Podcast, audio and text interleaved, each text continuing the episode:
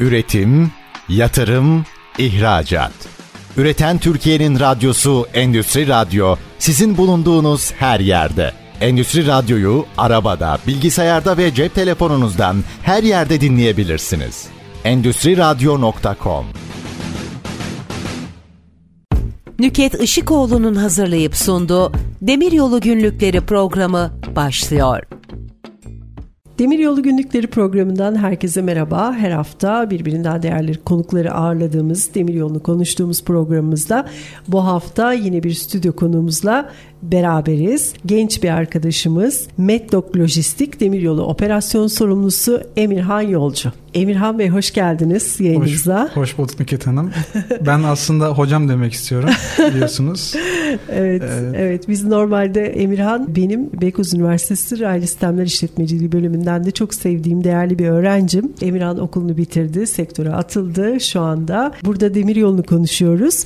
Bu benim açımdan da çok gurur verici, çok mutluluk verici bir şey. Daha önce de bir öğrencimi programımda ağırlamıştım. Sevgili Melis'i. Şimdi de Emirhan'la ikinci programımızı yapıyoruz. Herhalde bir e, öğretmen için en güzel, en mutluluk verici duygu bu. Tekrar hoş geldin diyorum hoş Emirhan. Hoş buldum hocam. Teşekkür ederim. Ben de burada olmaktan memnuniyet duyuyorum ayrıca. Sağ ol. Öncelikle sen genç bir arkadaşımızsın. Raylı Sistemler İşletmeciliği bölümünü okudun. Ee, ülkemizde biliyorsun evet. yeni yeni akademik olarak bu raylı sistemler demiryolu ile alakalı bölümler gelişiyor. İşte lojistik bölümlerinde yeni yeni demiryolu dersleri okutulmaya başlıyor. Ve sen mezun oldun. Önce senden birazcık öğrencilik döneminden bahsetmek istiyorum. Çünkü sen öğrencilik dönemini çok dolu dolu çok aktif geçirdin. Ve dolayısıyla belki o zaman da başladığım bu network'ünü, iş dünyasıyla alakalı tanışmanı şu anda daha yüksek bir seviyeye taşıdın. Ben senden bunu dinlemek istiyorum. Tabii. Bize bu konuda neler söylemek istersin? Tabii.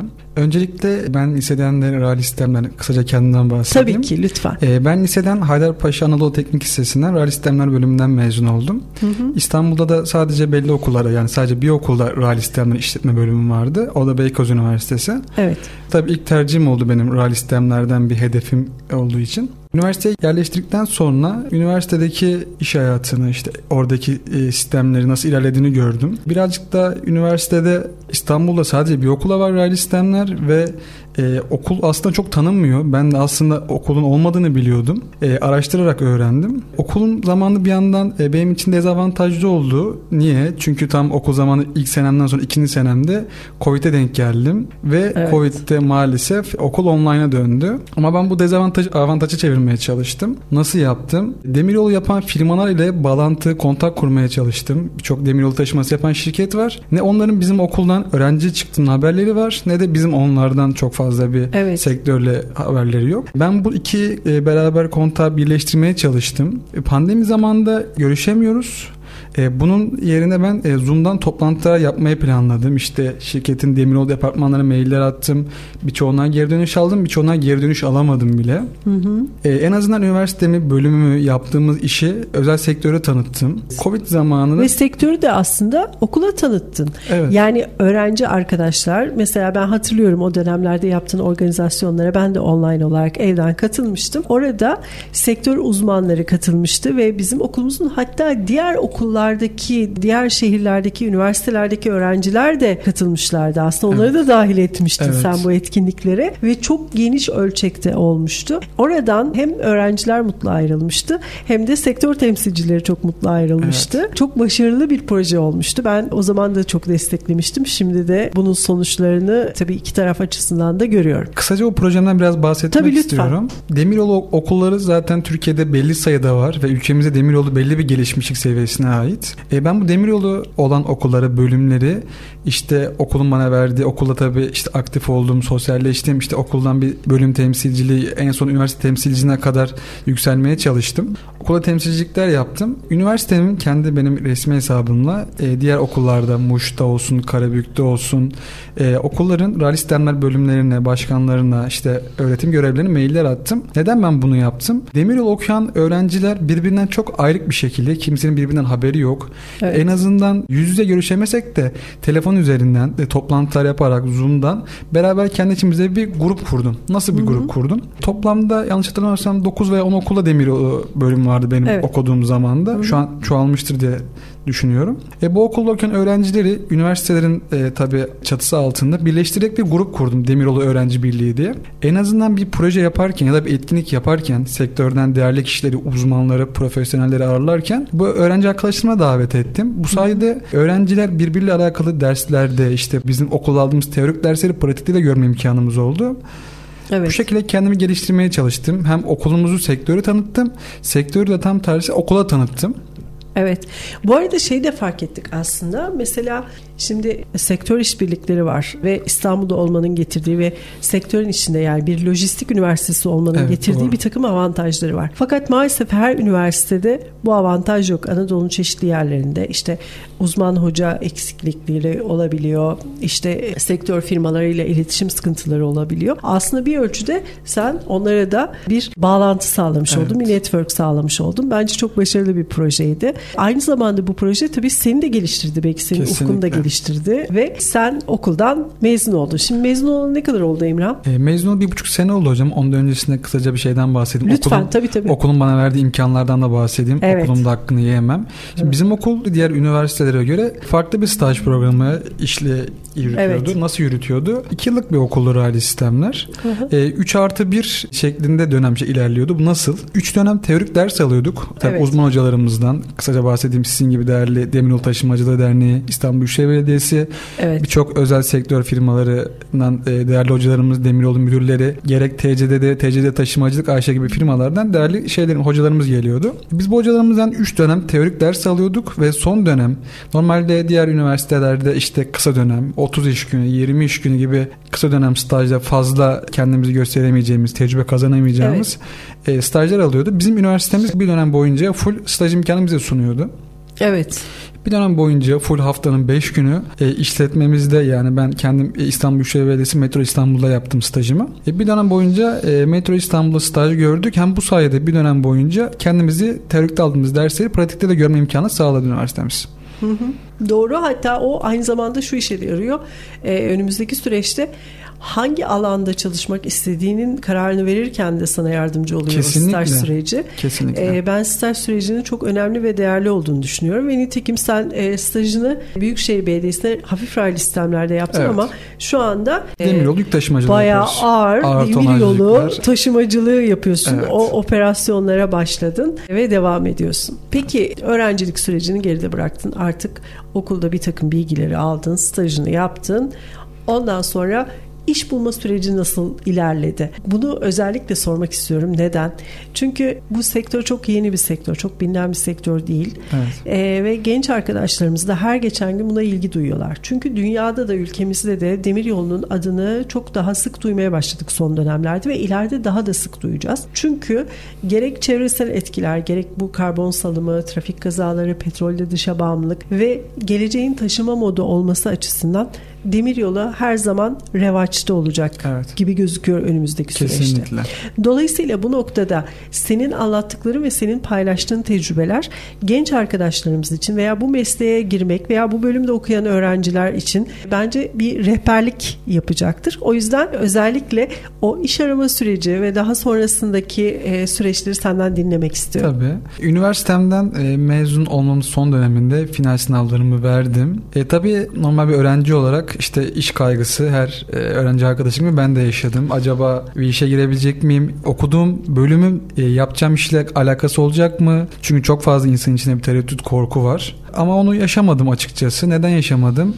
Okul zamanında işte üniversitemizde realist denmer kulübü kurdum. İşte sektörden doğayanlar, profesyoneller sizin gibi. Kişilerle tanıştım. Onlarla bir kontak kurdum, network yaptım. Yani üniversite tanıştım sektörle. Hı hı. Belli yerlere iş tekliflerinde, şeylerinde bulundular bana. Aralarından işte kurumda demir yollarında değerli firma Medlock Lojistik'ten bir teklif aldım. Zaten Medlock Logistik'i biliyordum. Yani taşımalarını takip ediyordum. Üniversite okurken sadece şey değil, e, eğitim değil. Aynı zamanda demiryolu taşıması yapan şirketleri de araştırıyordum. Hangi firma ne kadar taşıma yapıyor? Kaç ton taşıma yapıyor? Çünkü demiryolu benim için şu şekilde bakıyorum. Yeşil bir lojistik demiryolu. Evet. Yani yurt dışındaki diğer ülkelere baktığım zaman demiryolu pay olarak karayoluna göre gitgide yükseliyor ve geleceğin bence bir şeyi Bundan dolayı Medlock Logistiğe girdim. O şekilde Onlar da seni aldılar tabii evet. kabul ettiler. Ondan sonra bir iş hayatı süreci başladı. Evet. Aslında bu iş hayatı sürecinde yaşadıklarını da e, senden dinlemek istiyorum. Başladın işe.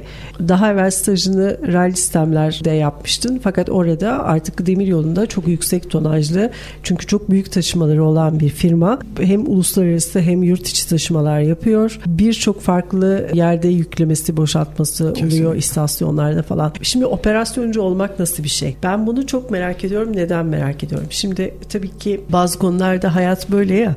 E, biz size hocalık yaptık. Şimdi siz sahada yaşadıklarınızla siz bize öğreteceksiniz. Yaşadıklarınızı anlatacaksınız. Biz de onlardan bir şeyler öğreneceğiz. Çünkü her zaman işin akademik tarafı, mevzuat tarafı, işte bu demir yolunun çok farklı tabii tarafları var. Evet. Çok farklı disiplinleri var. Altyapısından, işletmeciliğinden, uluslararası ilişkilerinden, stratejisine kadar ama operasyon başlı başına bir iş.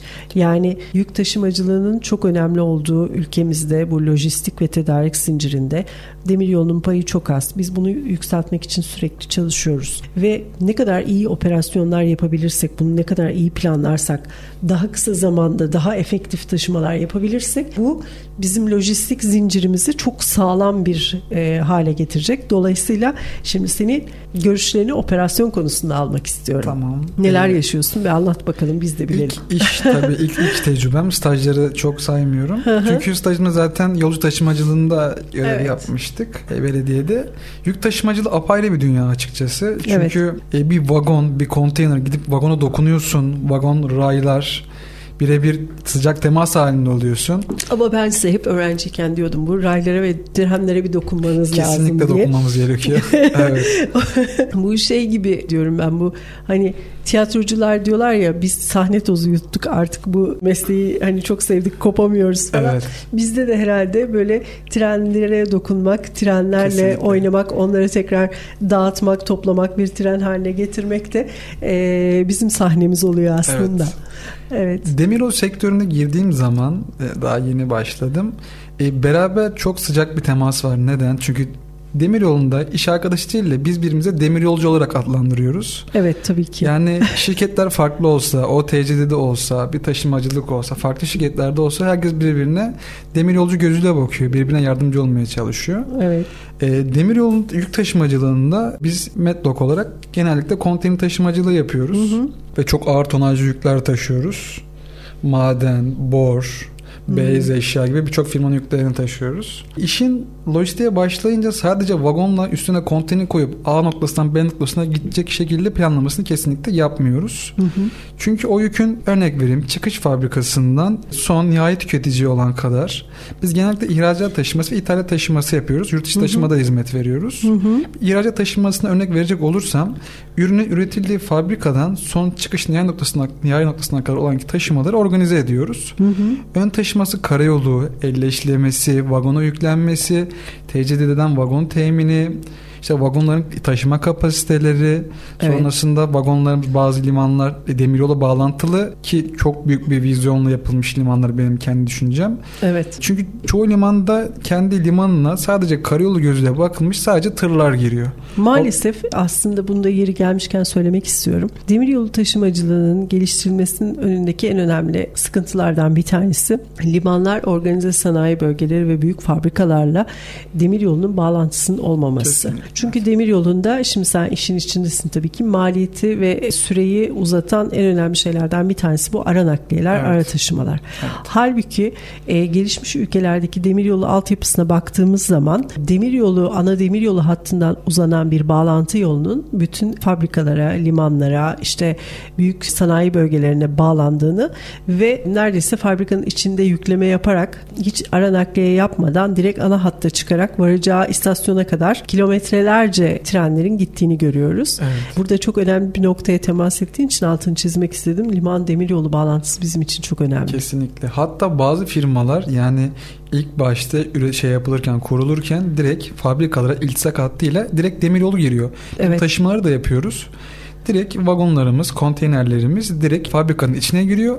Fabrikanın içinden yüklenip limana kadar giriyor. Limana zaten gemi yüklenip Hı hı. içine ülkeye ihracat yapıyor. Evet. Bu büyük bir şeyle öngörü yapılmış işler diye düşünüyorum. Çünkü Hı hı. geleceğin taşıması Evet. demiryolu. Geleceğin taşıması diyoruz ama aslında sanayi devrimiyle beraber ilk ortaya çıkan taşıma karayolundan önce de demiryolu biliyorsun. Kesinlikle. Her ne kadar e, yani geçmişten gibi gelse de aslında hala geleceği temsil ediyor demiryolu. Bu da onun çok güzel bir e, noktası bence özellikle söylemek istedim. Evet şimdi o zaman şöyle yapalım istersen bu operasyon konusu çünkü detaylı bir konu. Evet. Kısa bir reklam arasına gidelim. Reklam arasından sonra kaldığımız yerden sohbetimize devam edelim. Üretim, yatırım, ihracat. Üreten Türkiye'nin radyosu Endüstri Radyo sizin bulunduğunuz her yerde. Endüstri Radyo'yu arabada, bilgisayarda ve cep telefonunuzdan her yerde dinleyebilirsiniz. Endüstri Radyo.com Demiryolu Günlükleri programı kaldığı yerden devam ediyor. ST Endüstri Radyo'dayız. Stüdyo konuğum Metlok Lojistik Demiryolu Operasyon Sorumlusu Emirhan Yolcu. Emirhan Bey'le az önce öğrencilik hayatını ve daha sonrasında iş hayatına atılışından bahsettik. Ve demiryolu operasyonlarından bahsediyorduk. Şimdi reklam aramızdan sonra kaldığımız yerden devam edelim. Demiryolu operasyonlarının çok önemli olduğundan bahsettik. Çünkü operasyonun kalitesi, verimli yapılması bizim lojistik zincirimizi ve o taşımamızın verimini arttırıyor. Dolayısıyla siz bu konuda neler yapıyorsunuz? Nasıl ilerliyor süreç? Bize biraz anlatır mısın Emirhan? Tabii ki. Planladığımız yüklerden e, örnek verecek olursam ihracatlardan biz vagonlarımızı her zaman dolu dolu taşımak için planlamasını, operasyonunu yapıyoruz. Bizim yüklerimiz genel bazda e, gemi devamlı olduğu için bir gemi süreleri oluyor. Aynı bir tren kalkışı gibi geminin katot Evet. süresi, beyanlanma süresi oluyor. E, ona göre planlama yapıyoruz. Biz örnek verecek olursam e, bir tren yolundan liman bağlantılı bir yükten yine bahsedeyim. Limana giren Yüklerimiz için belli bir gemi süresi var. Onun karşılığında vagonları tekrardan limana giren vagonlarımızı boş döndürmemek açısından ihracat yaptığımız işin karşılığında ithalat işleri de yapmaya çalışıyoruz. Yani operasyon yaparken e, limana giren ihracat yükümüzün karşılığında tekrardan ithalat yükü alıyoruz. Bu sayede vagonumuzu dolu dolu taşıma yaptırıyoruz. Evet. Buna özen gösteriyoruz. Bu tabii demir yolunda çok önemli. Yani Kesinlikle. dolu giden vagonların geri dönüşünde boş dönmeden tekrar bir yükle beraber dönmesi hem maliyete çok ciddi bir katkı sağlıyor Evet. hem de yük hareketinin daha verimli bir şekilde Tabii. yapılmasını sağlıyor. Evet. Örnek verecek olsam kısa bir Lütfen, şekilde. evet. Mesela 20 vagon 40 konteyner bir taşıma. Şu şekilde düşüneyim. 40 konteyneri normalde ben demiryolu yapmasam 40 konteyner 40 tane tırla gitmek zorunda kalacak. Aynen öyle. Trafiği etkileyecek, çevreyi etkileyecek, limana kapısını sıkıştıracak. Evet. Ben bunu yerine 20 vagonla ortalama tabi istasyon bazı değişir. E, belli bir transit süreleri oluyor her istasyonun. Bizim Evet. yüklerimiz e, Marmara'ya geçiş yüklerimiz de oluyor. Tabii ona da ayrıca değineceğiz değineceğim Marmara zaten. geçişine ama bence burada çok önemli bir şey söyledim. Ben bunun altını çizmek istiyorum özellikle. Dedin ki 20 vagonluk bir trende biz 40 t- konteyner taşıyoruz. Evet. Normalde bunu karayoluyla taşımaya kalksak her konteyner için bir tır kullanmamız gerekiyor. Kesinlikle. Dolayısıyla bir tren 40 tıra yani 40 Kesinlikle. kamyona karşılık geliyor. 40'da şoför. 40 da şoför. Aynı şekilde. Ve bu gümrük geçişlerinde uluslararası işlemlerde düşündüğümüzde bir işlem yerine 40 farklı işlem. 40 farklı gümrük geçişi oluyor ve bunun dışında da hepimiz izliyoruz bu karayolu geçişlerinde çok uzun kuyruklar oluşuyor. E, liman Evet. girişlerinde tıkanıklıklar yaşanıyor ve önümüzdeki süreçte tabii ticaretimizin %50'sini yaptığımız Avrupa Birliği'ne girişlerde de sorun yaşayacağız eğer bu şekilde devam edersek. Fakat bir taraftan baktığımızda da maalesef demiryolu taşımacılığının payı hala %4 maalesef. Maalesef. Ee, Yurt içi taşımalarda uluslararası taşımalara baktığımızda hala yüzde bir civarında bile değil maalesef. Bunu da yeri gelmişken dinleyicilerimiz için de bir ek bilgi olarak ben vermek istedim. Evet operasyon süreciyle devam Biz edelim. şirket olarak ayrıca e, sadece ihracat, ithalat değil, normalde İstanbul'dan Ankara'ya giden bir yük için sadece ihracat ve ithalat işleri için çalışma yapmıyoruz. İç taşıma. Normalde evet. A noktasına İstanbul'dan Ankara'ya gidecek bir yük içinde evet. müşterilerimizi demiryoluna teşvik ediyoruz. Evet. Biz firma olarak müşterilere sadece konteyner taşıma hizmeti değil, depolama hizmeti, elleştirme hizmeti, vagon tahsis hizmeti gibi birçok hizmeti veriyoruz evet. depolarımızda. Tabii sizin TCD'de yani devletten kiraladığınız vagonların dışında şirketin öz kendi olan kendi vagonlarımız da var. Da var e, oldukça 386 e, tane öz varlık vagonumuz var şirket evet. olarak. Evet. Ben bir de bu Marmara geçişlerinden bahsetmek istiyorum. Siz tabii ki e, Anadolu'dan topladığınız yükü e, Marmaray'dan geçirerek tabii orayı oradaki geçişe uygun e, yükleri yani tehlikeli madde, patlayıcı madde olmayan, dökme yük olmayan konteyner evet. içindeki yükleri Marmaray'dan Avrupa yakasına geçiriyorsunuz ve oradan limandan dünyanın çeşitli yerlerine gönderiyorsunuz. Evet. Burada bu taşımacılığın kesintisiz olarak ilerlemesi aslında çok büyük bir avantaj bizim bizim için. Çünkü e, daha önce feribotla geçiliyordu. E, evet. Hala da bazı az önce bahsettiğim spesifik yüklerin karşıya geçmesinde tabii Marmara'yı kullanamıyoruz Tehlikeli maalesef. Ama evet. Marmaray bu konuda sizi oldukça rahatlattı Büyük sanıyorum. Büyük rahatlattı. Ee, evet. Şöyle bahsedeyim. Anadolu'dan çıkan bütün yükleri işte beyaz eşyası, mermeri sadece tehlikeli maddeler e, haricinde söylüyorum. Birçok yükleri birleştirerek biz e, Anadolu'dan bir tren planlaması yapıp bizim Tekirdağ istasyonu olan Tekirdağ istasyonunda Asyaport limanımız var. E, evet. İstasyona limanın yakında bir istasyon var. Evet. E, bu Tekirdağ istasyonu Anadolu'dan topladığımız yükleri birleştirerek Tekirdağ'a getiriyoruz. Burada son kara nakliye ile e, limanımıza götürüyoruz.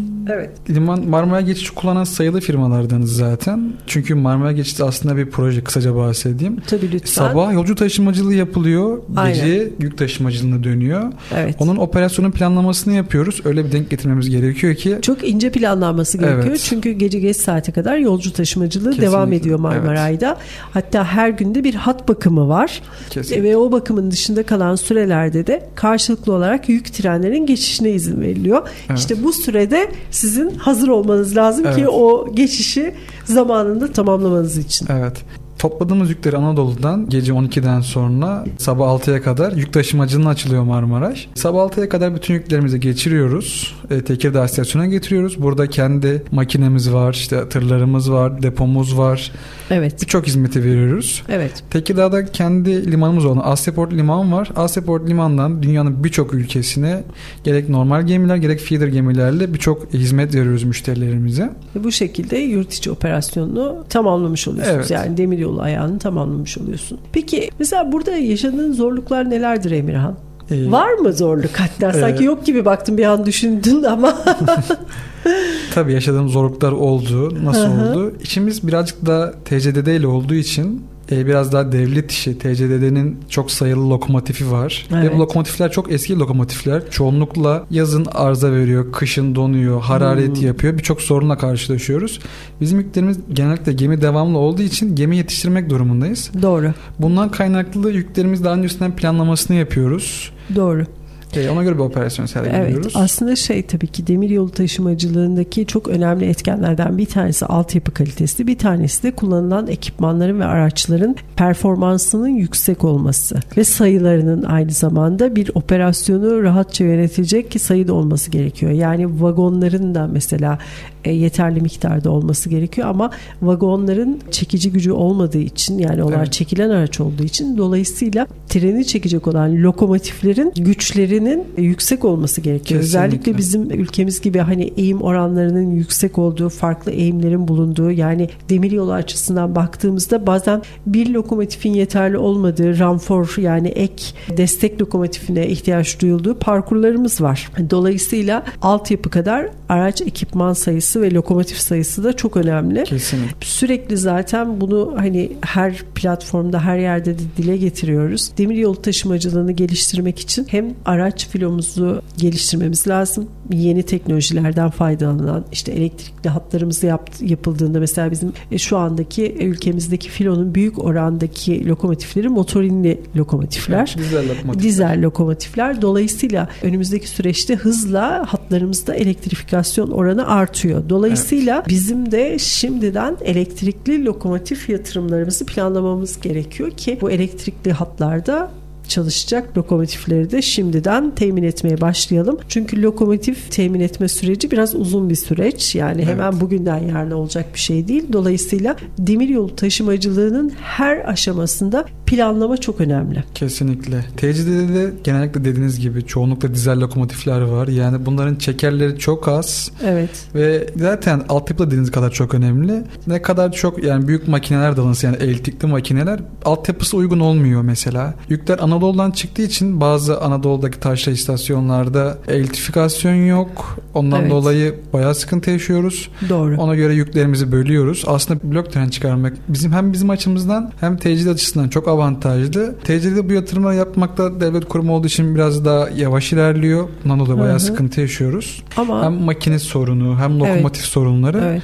birçok sorunla karşılaşıyoruz. Evet personel sorunu da önemli bir sorun Büyük aslında. bir sorun evet. Hani baktığımız zaman sadece devlet kurumunda değil özel sektörde de ciddi bir insan kaynağı ihtiyacı var demiryolu konusunda. Evet. Çünkü senin de dikkatini çekmiştir. Hani e, öğrenciyken de yaptığın çalışmalardan bahsettik. E, lojistik bölümleri var üniversitelerin çoğunda. Demir yoluyla alakalı hemen hemen hiçbir şey görmeden evet. oradaki gençlerimiz okuldan mezun oluyorlar ve lojistik sektörüne atıldıkları zaman da bilmedikleri bir alanı tabii ki doğal olarak tercih etmiyorlar. Dolayısıyla bu da aslında demir yolunda insan kaynağı e, sıkıntısına sebep oluyor. Bunu arttırmamız gerekiyor. E, bir taraftan da az önce bahsederken şöyle dedin. Kamuda olsun, özel sektörde olsun bu işi yapanlara biz hep demir yolcu diyoruz. Bize de evet. demir yolcu diyorlar dedin. Aslında demir yolculuk bir kültür. Kesinlikle. Peki sen bunu nasıl hissettin? Yani bu kültürün içine dahil oldun tabii ki. Bütün hat lar artık çalışma alanınız evet. oldu sizin. Dolayısıyla orada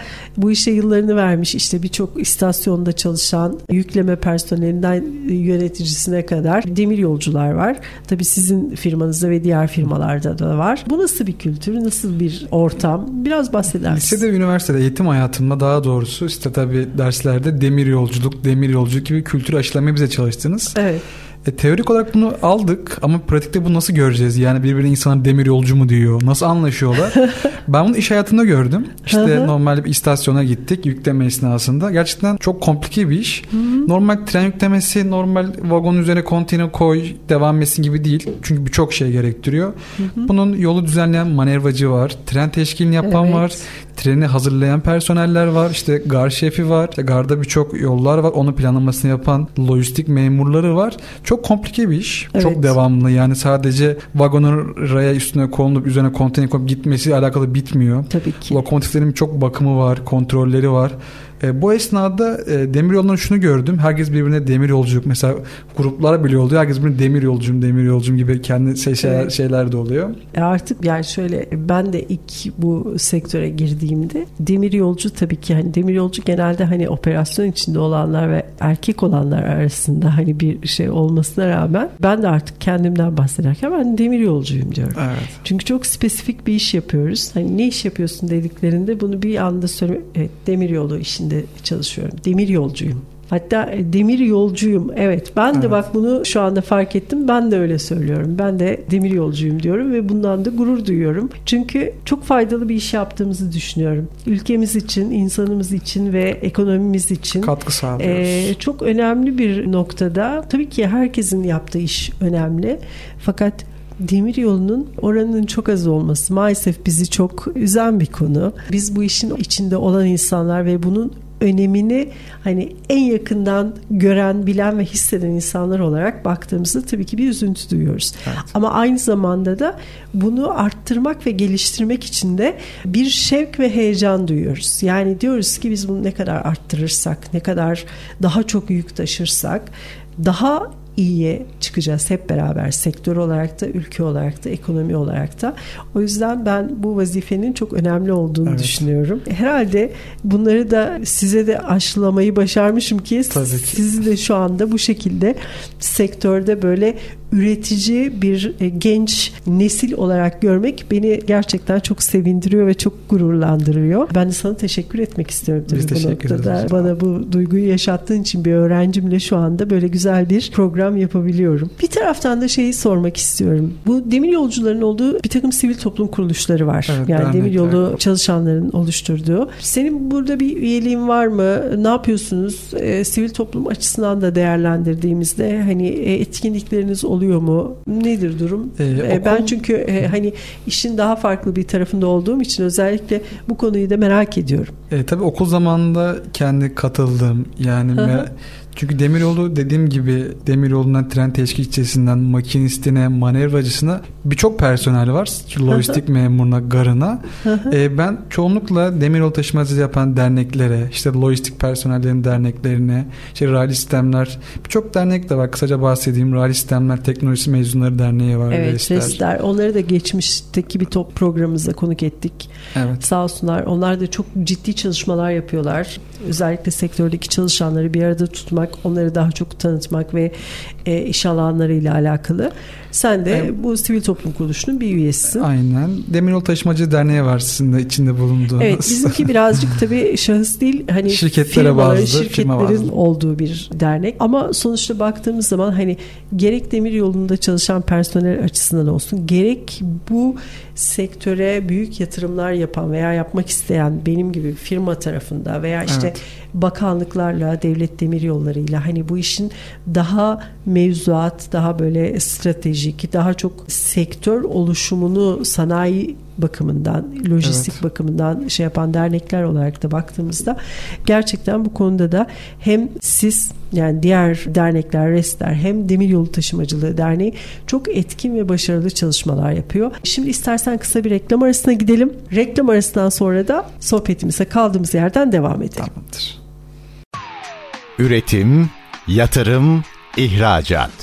Üreten Türkiye'nin radyosu Endüstri Radyo sizin bulunduğunuz her yerde. Endüstri Radyo'yu arabada, bilgisayarda ve cep telefonunuzdan her yerde dinleyebilirsiniz. Endüstri Radyo.com Demiryolu günlükleri kaldığı yerden devam ediyor. Stüdyo konuğumuz Metlok Lojistik Demiryolu Operasyon Sorumlusu Emirhan Yolcu. Programımızın 3. ve son bölümündeyiz. Ama e, şimdi dinlemeye başlayanlar için ben tekrar söyleyeyim. Emirhan Yolcu benim üniversitede öğrencim. Okulu bitirdi, sektöre girdi. Şu anda bir sektör uzmanı, operasyon sorumlusu olarak karşımda oturuyor. Bize bütün bu süreçlerden bahsetti. Öğrenciliğinden, staj süresinden, iş hayatından, bu demiryolu operasyonlarını nasıl yaptığından bahsetti. Ve şimdi ben kendisine sormak istiyorum. Sevgili Emirhan. Emirhan Bey olarak başladım ama Emirhan olarak devam ediyorum programa. Sen genç bir arkadaşımızsın. Kariyer hayatının en başındasın. Okulu bitirdin. Çok güzel Evet. bir başlangıç yaptın. Sektöre girdin. Demiryolu sektöründe çalışıyorsun. Geleceğe yönelik hedeflerin neler? Artık böyle yaşayarak, tecrübe ederek bir mesleği, bir işi, bir sektörü içine girdin. Yani öğrencilikte daha farklı oluyor ama iş hayatına girdikten sonra bakış açın, vizyonun çok daha farklı gelişiyor. Kesinlikle. Sen bu noktada durduğunda mesela gelecek için hedeflerin neler? Bize biraz bunlardan bahseder misin? Ee, öncelikle Kariyer hoş- hedeflerinden öncelikle tabii. hocam yani e, okul zamanında da böyle hedeflerim vardı. İşte demiryolu taşımacılığında. E, sektöre girince apayrı şeylerim, Hedefler büyüdü. Hedefler gitgide büyüyor evet kesinlikle. E, sektörün içinde dilin çok önemli olduğunu gördüm.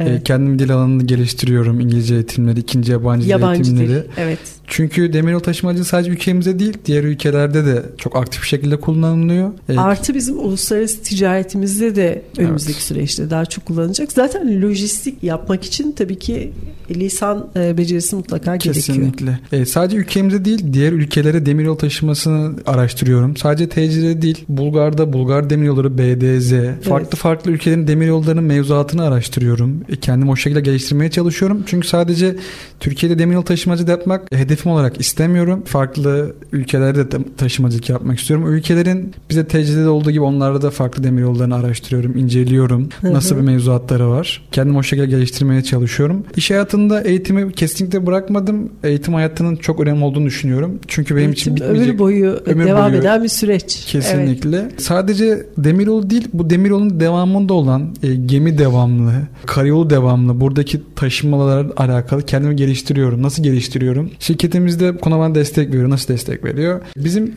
demiryolu devamlı yüklerimiz gemiyle oluyor. Gemideki operasyonu öğreniyorum.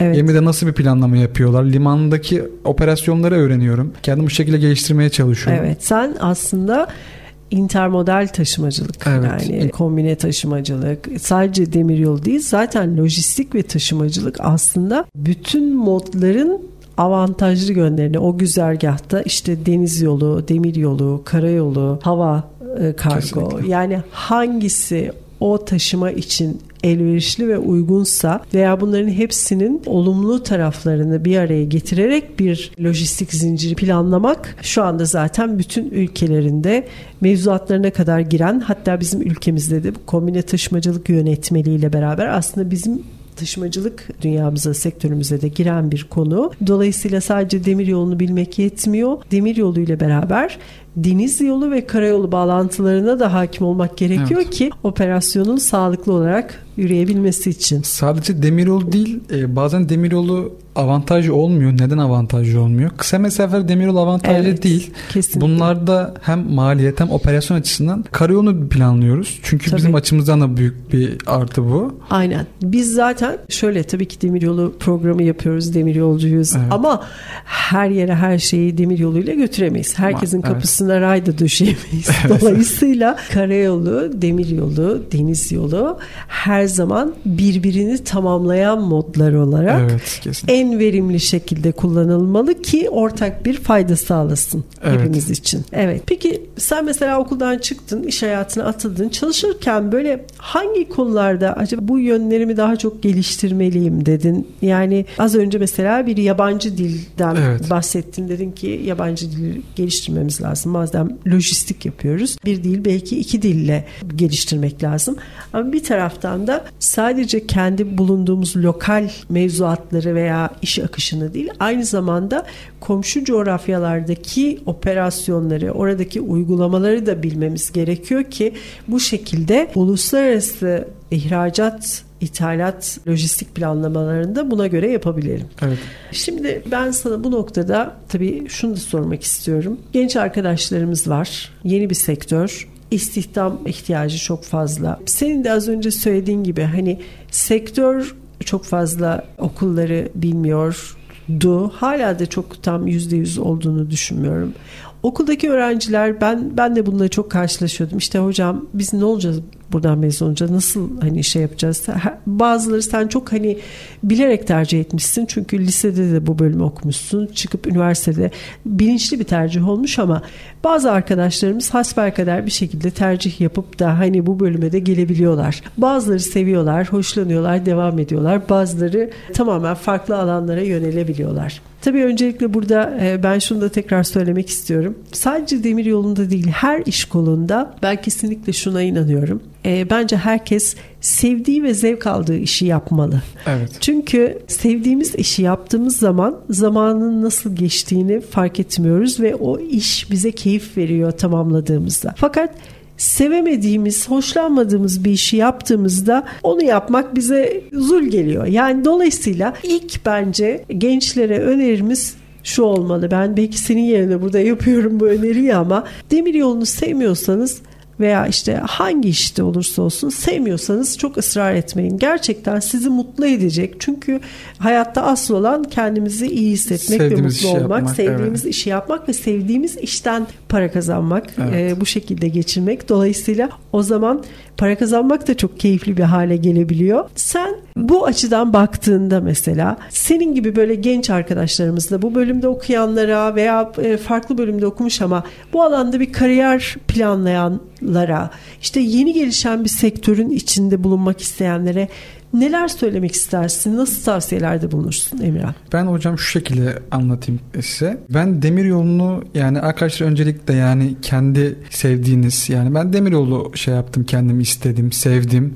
E, buradan para kazanıyorum. Yani şu şekilde artık yeni bizim kendi dönemdeki arkadaşlarım işin yapacağı maaşa bakıyorlar. Yapacağı işi araştırıyorlar. Ben şu şekilde yaklaşıyorum. Zaten ben sevdiğim işi yaptığım için geçen vaktinde sürenin de hiçbir şekilde anlam şey yapmıyorum. Hızlı bir şekilde ilerliyor. Evet. Maaşım zaten ona göre zaten ya, sevdiğin işi yaparsanız zaten o konuda tecrübe de kazanıyorsunuz aynı zamanda. Hı hı. Ona göre de kendi veriminizi yükseltiyorsunuz. Kendine Doğru. katkı sağlıyorlar. Verim arttıkça başarı da artıyor. Başarı da artıyor. Onunla eş oranda maaş da tabii kesinlikle artıyor. Evet. Kesinlikle. Dolayısıyla e, ilk başta burada Sevdikleri- hemfikiriz. Sevdiğimiz evet. işi yapıyoruz. Sevdiğimiz şey yapacak. Peki sonra?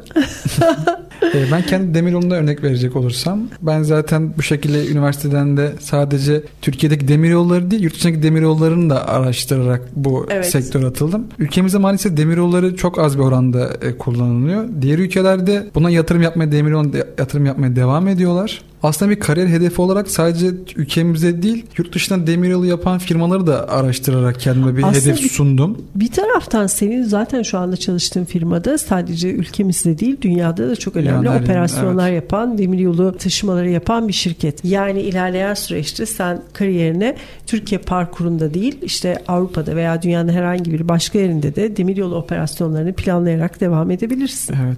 Ve demir yolunda şu an daha gelişmiş olarak belli bir seviyede karayoluna göre. E, Örnek verecek olursam demir yolunda sadece konteyner taşıma açı değil, demir yolunda birçok taşıma yapılıyor. Mesela demir yolunda Milli Savunma Bakanlığı tank taşıyor. Evet. Bunları karayolunda yapmaktan ziyade demir yolda yapıyor. İşte açık yük taşınıyor demirler. Yani sadece demir yolunda bu yeni yeni yapılan şeyler aslında. Çok eskilere dayanmıyor bildiğim kadarıyla. Demir yolu sadece giden gelen yolcu, yük, konteyner gibi düşünmemek kesinlikle gerekmiyor. Kendimizi nasıl geliştirirsek o şekilde devam ettiriyoruz demir yollarına. Gelişmeye açık bir sektör diyebilirim.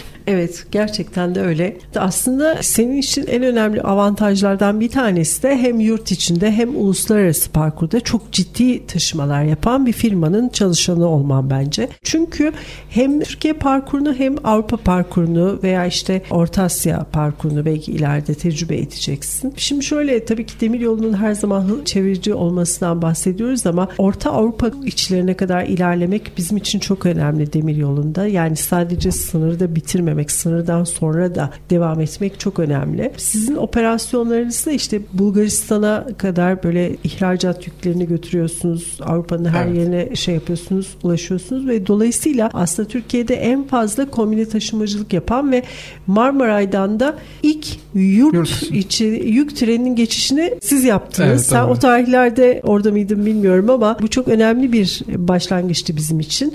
Çünkü Avrupa ihracat e, yükü ve Avrupa'ya transit yük gönderimi gibi demir yolunda aslında birçok ilk olan projeye de imza attınız aynı zamanda ve Avrupa'nın içlerine kadar da demir yoluyla bunu devam ettirdiniz. Tekirdağ tren istasyonuna gelen yükleri buradan e, liman üzerinde elleçleyerek tekrar e, Evet. gemilere yüklemesini yaparak da yükleri ilerlettiniz. Ve mesela sen Covid salgınında Emirhan öğrenciydin ama o dönemde baktığımızda 2020 yılından bahsedelim mesela temassız ticaret faaliyetlerine olanak sağladığı için demiryolu yük taşımacılığı payları gözle görülür şekilde artmıştı. Kesinlikle. Evet. Yani çevreci, hızlı ve ekonomik faaliyetlerde. Sen de böyle operasyonların içindesin devamlı. Şu anda sadece Türkiye parkurunda mısın yoksa yurt dışında da henüz bir tecrübe yaşadın mı?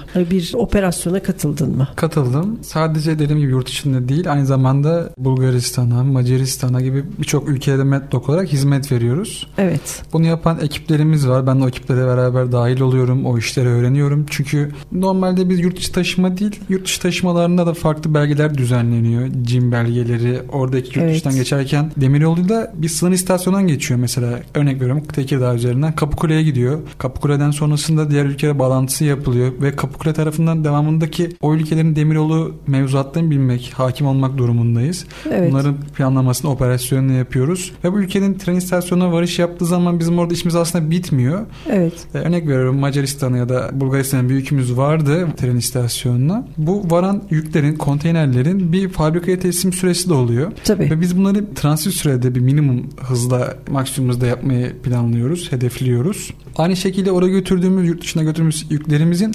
karşılığında olarak da yurt dışına karayoluyla yapılan yüklerimizin hı hı. demiryolu yüklemesine müşterimizi teşvik ediyoruz. Aynı şekilde yurt içine Anadolu'ya gidecek yüklerimizin yine bizim e, kendi trenlerimizde TC'den hizmet alarak taşımalarını gerçekleştiriyoruz. Evet sen yani yavaş yavaş artık e, yurt dışındaki operasyonlarla da görev evet. almaya başladın. Evet. Peki buradaki mesela gözlemlerinle alakalı bize bir şey söyleyebilir misin? Mesela Türkiye'deki bizim kendi parkurumuzdaki bir istasyon yüklemesiyle işte Bulgaristan ve Macaristan'dan bahsettin sanıyorum. Orada bir farklılık yaşadın mı? Yani operasyonel anlamda tabii ki. Kesinlikle. E, bizim orada taşımalarımızla o ülkenin bizim mesela TCD özeline bahsediyorum. TCD'nin vagonunu kullanırken belli bir sürelerimiz var. Boşaltma süreleri, evet. istasyona varış süreleri. Yurt dışında oranın ülkesinin demir altına gireceği zaman bir süremiz oluyor. Hı hı. Transit sürelerimiz.